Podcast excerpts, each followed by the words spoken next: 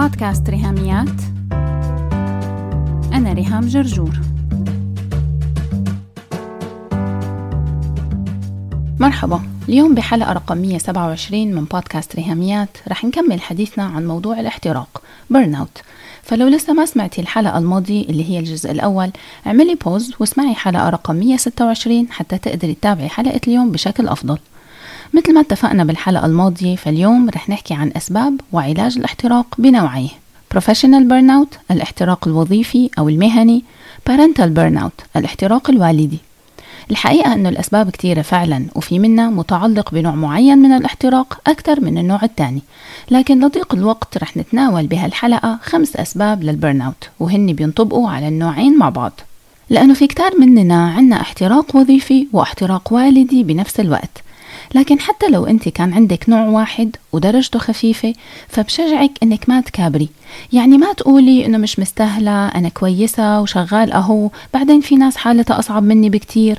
لا بدي اياكي تعطي أهمية وتركيز لتعبك وإرهاقك لأنه من أسوأ خصائص ال burnout إنه بيتسلل لحياتك بوقت أنت ما بتلاحظيه ولا بتتوقعيه. في دكتورة علم نفس بتقول The worst thing about burnout is that it can sneak up on you when your life is going pretty well. رح نحكي عن أربع أسباب للاحتراق ومع كل سبب رح نطرح استراتيجيات للتعامل مع ال burnout والتغلب عليه بحيث تكون الاستراتيجية مرتبطة بالسبب يلي حكينا عنه.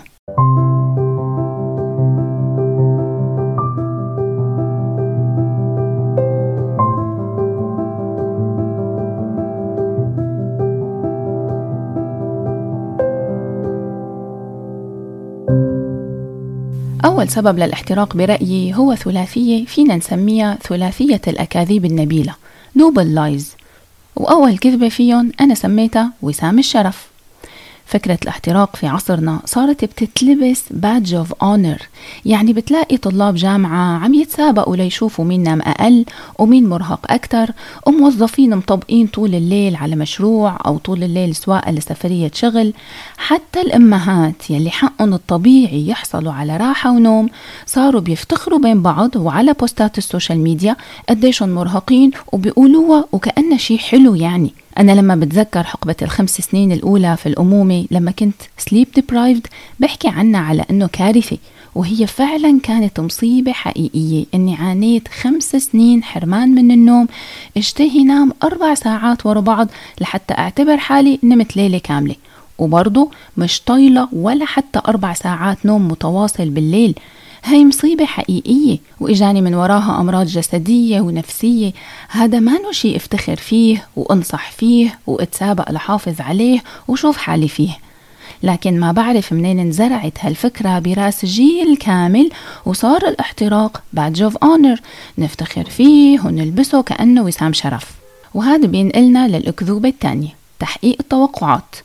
تاني سبب للاحتراق هو كم التوقعات من الناس اللي حوالينا سواء بالشغل أو بالبيت وكم التوقعات يلي نحن حاطينهم على حالنا. منين إجت هالتوقعات؟ مين يلي حطها وحولها لقوانين وأهداف منقضي يومنا عم نركض لنحققها؟ ما رح أقول إنه كل هالتوقعات هي أكاذيب لكن على الأقل نصها وأحيانا بيكون ثلاث أرباعها أكاذيب ولازم نرميها بمزبلة التاريخ. تخيلي حالك مجرد تخيل. انك فايقة الصبح ببداية يومك الجديد وما في جنب سريرك كرباج توقعات منتظرة منك. سواء أنت مستنية حالك مع انتهاء هذا اليوم أنك تحققي التارجت الفلاني أو مديرك بالشغل مجهز لك ليستة تخلصية قبل وقت الانصراف من العمل ايا كان كرباج التوقعات. تخيلي إنه ما موجود. خيال علمي ما هيك؟ صعب كتير. فعلا تتخيلي حالك. حرفيا لسه راسك على المخدة وفتحتي عينك بيوم جديد وما فيه توقعات. أنا يمكن فكر حالي متت وفتحت عيني بالعالم الآخر. لا مستحيل كون لساتني عايشة. معقول؟ عيش يوم expectations free أو مثلا يكون قدامي ساعة ما عم أركض فيها لتحقيق توقعات أو للهرب من توقعات؟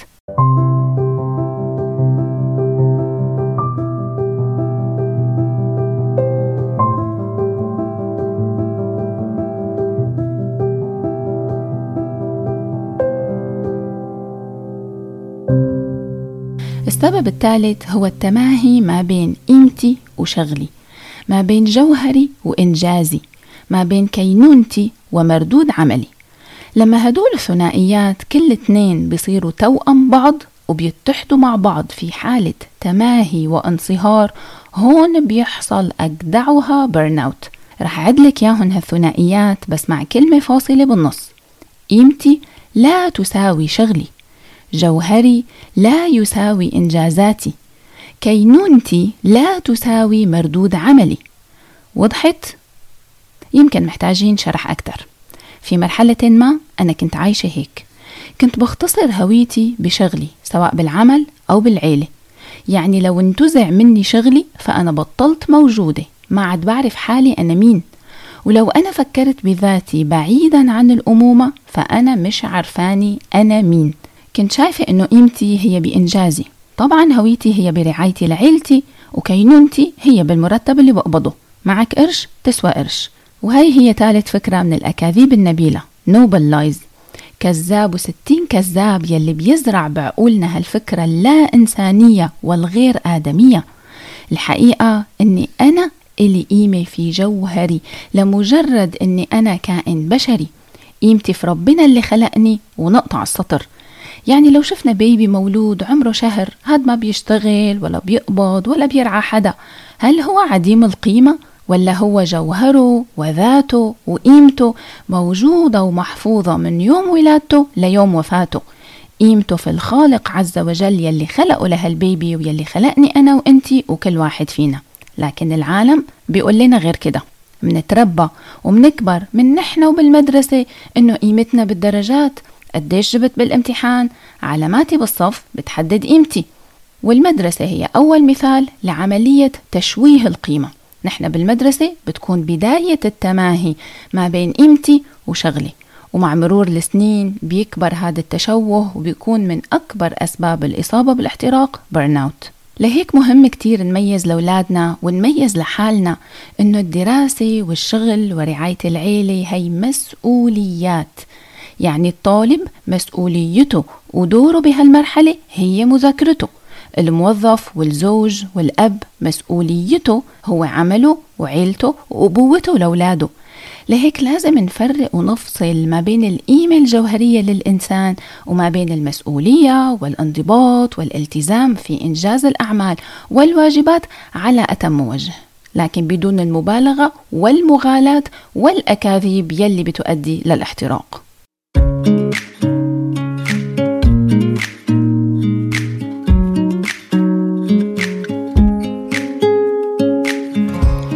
والصبايا. الكتاب الأول من نوعه بالعالم العربي. دليل المراهقات لفهم سن البلوغ والدورة الشهرية. هالموسوعة هي كتاب مصور 52 صفحة ملونة بالكامل مع هدية 64 sticker لتتبع الدورة الشهرية في planner 2022 أو أي notebook.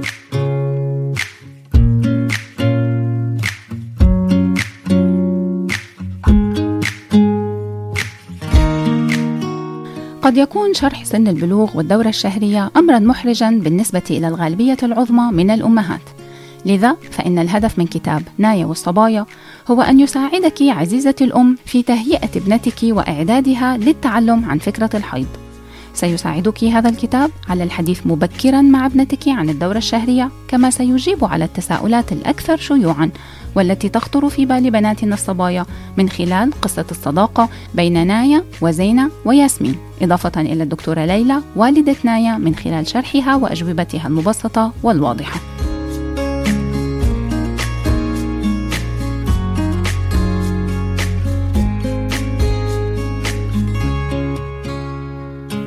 بيتناول كتاب نايا والصبايا ثلاث موضوعات أساسية.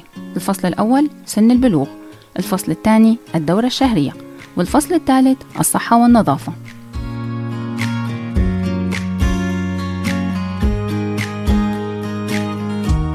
الكتاب متاح حاليا في مصر للشراء أونلاين من الرابط الموجود مع notes هالحلقة. الشحن لكل المحافظات والدفع عند الاستلام. حملي تطبيق ريهاميات واستفيدي من الهدايا ومن الخصم.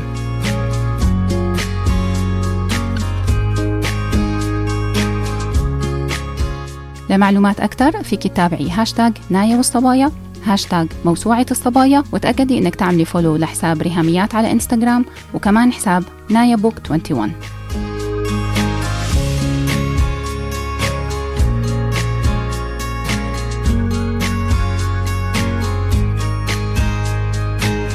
نايا والصبايا الجزء الأول من موسوعة الصبايا. لا تنسي تتفرجي على الفيديو المتاح على قناة ريهام جرجور على يوتيوب. بس هيك.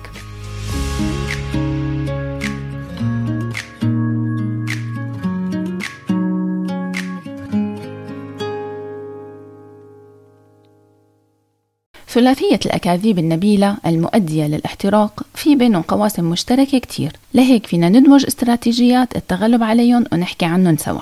لازم كل واحد فينا بشكل واعي يعمل فصل تام وتمييز مهم كتير ما بين مين أنا في جوهري وقيمتي الحقيقية بذاتي بعيدا عن أي إنجاز أو أي عمل أو أي وظيفة أو فلوس أو تياب واستعراض مهارات لأنه بكل بساطة كل ما كبر الاستعراض كل ما كان دليل على قيمة مهزوزة ومستنية validation من العالم. فهذا اللهاث وراء ال validation وختم الموافقة هو يلي بيتحول إلى احتراق burnout أنا بذاتي وجوهري إنسان غالي ومهم لمجرد إني موجود في هذا الوجود لمجرد إنه الخالق عز وجل بحكمته خلقني وأوجدني في هذا العالم. لما بعمل هذا الفصل الواضح ما بين قيمتي وإنجازي بيفقد الاحتراق سطوته علي.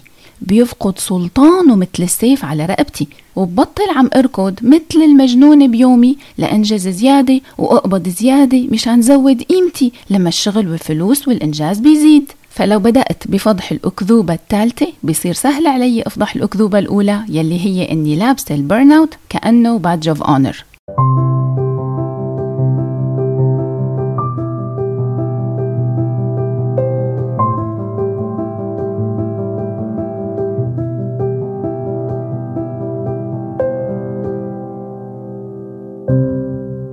أما التعامل مع التوقعات فهو تدريب مكون من حرفين N O وبالعربي لام وألف.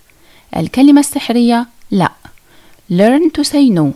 بدي أتدرب وأتعلم قول لا وهذا موضوع حكينا عنه بكذا حلقة سابقة ببودكاست ريهاميات. لكن برجع بذكرك لما قلت لك no is a full sentence. لا هي جملة كاملة شاملة. تعلمي تقولي لا بتهذيب. لكن لا وبس. لا ترفقي لكلمة لا. بصفحة اعتذارات وتأسفات وتبريرات أصل وفصل وحكايات لا حدا رح يتفهمها ولا حدا رح يحس فيكي. وكل تبريراتك هاي بأدنيهم حكي فاضي. هي كلمة لا وخلصنا على كده.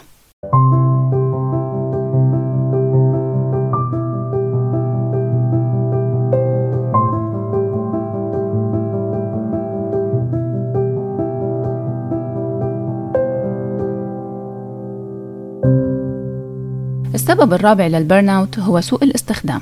كأنك مشترية جهاز كهربائي للمطبخ خلاط مثلا ومعه كتالوج عن قطع الغيار وطريقة التركيب والاستخدام والتنظيف والتخزين. وإنت جبتي هالجهاز وطلعتيه من العلبة وضيعتي الكتالوج. وقاعدة تستخدمي الجهاز بطرق كلها غلط بغلط ولوظائف هو أصلا ما مصمم يعملها. مثلا تحطي فيه حجار يفرمها أو تسكبي فيه مي ليعملك قهوة. أو تحطي له جرابات يغسلها. طبعا أمثلة تبان extreme وهتقولي لي. يا لهوي إيه العبط ده يا ريهام لكن صدقيني يا عزيزتي أنت وأنا عم نعمل هيك بحالنا نحن كبشر. الإنسان يعني بالأعضاء يلي بجسمه وبالطاقة النفسية اللي عنده هو كائن غير مصمم للآتي. أول ما أفتح عيني الصبح ولسه راسي على المخدة أمسك الموبايل وهاتك يا social media بتوتر بلد. شي خبريات حوادث وجرايم شي غيرة وشعور بالدونية من مقارنات حياتي باللي حاطينه أصحابي شي استفزاز وعصبية comment ات وكلام يسم البدن مبعوث لي أو مكتوب عند حدا بيهمني أو تعليقات جهل وعنصرية وشتايم محطوطة على خبر أو قضية رأي عام. وبعد ما نقوم من السرير ويبدأ يومنا فنحن أدمغتنا غير مصممة إنها تستقبل هذا الكم المتواصل والكبير من التنبيهات وال notifications والتررن تررن والدينج والدونج. غير مصممة لاستيعاب كل هالقنوات والفيديوهات. غير مصممة للتعامل مع كل هال applications والتطبيقات. مو بس أدمغتنا والتعامل مع الشاشات كمان أجسامنا.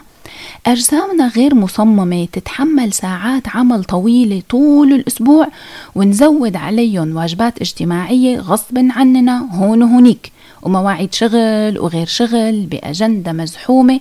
وحتى الفسح والمصايف صارت واجبات. وظهرت الإعلانات المعاقة تبع خد قرض عشان تصيف. وركب على حالك ديون عشان تسافر بفلوس مش معك أساساً. ويا ريت أنت طالع المصيف لتنبسط مع عيلتك. لا أنت آخذ قرض حتى تطلع مصيف. أغلى الغلا لتغيظ فلان وعلان على ال social media. أجسامنا غير مصممة تعيش بلا نوم كما ونوعا. عايشين بلا نوم عميق وكافي يعني quality و quantity الاثنين رايحين في داهية. أجسامنا غير مصممة to function وتشتغل بدون غذاء حقيقي. يعني عم ناكل مو انه عايشين بمجاعة بس هالأكل مجرد حشي أي مواد بمعدتنا وخلاص. ما فيه غذاء ما فيه عناصر لتتغذى علي خلايا جسمنا للنمو والمناعة والصحة. طاقتنا الذهنية والنفسية غير مصممة لتلقي وإجابة مسجات واتساب وماسنجر وفايبر وتليجرام وإنستغرام وإيميل ومكالمات تليفون محلي ودولي وبعد شوي من الفضاء كمان. يعني لا عجب إننا عنا احتراق burnout طالما عايشين في حالة استنفار دائم جسديا ونفسيا وعقليا constantly on high alert. ايمت رح نعطي أجسامنا وعقولنا؟ الراحة والبريك والهدوء والإيقاع اليومي يلي هي محتاجته ويلي هي أساسا مصممة له لحتى تشتغل صح بحسب الكتالوج.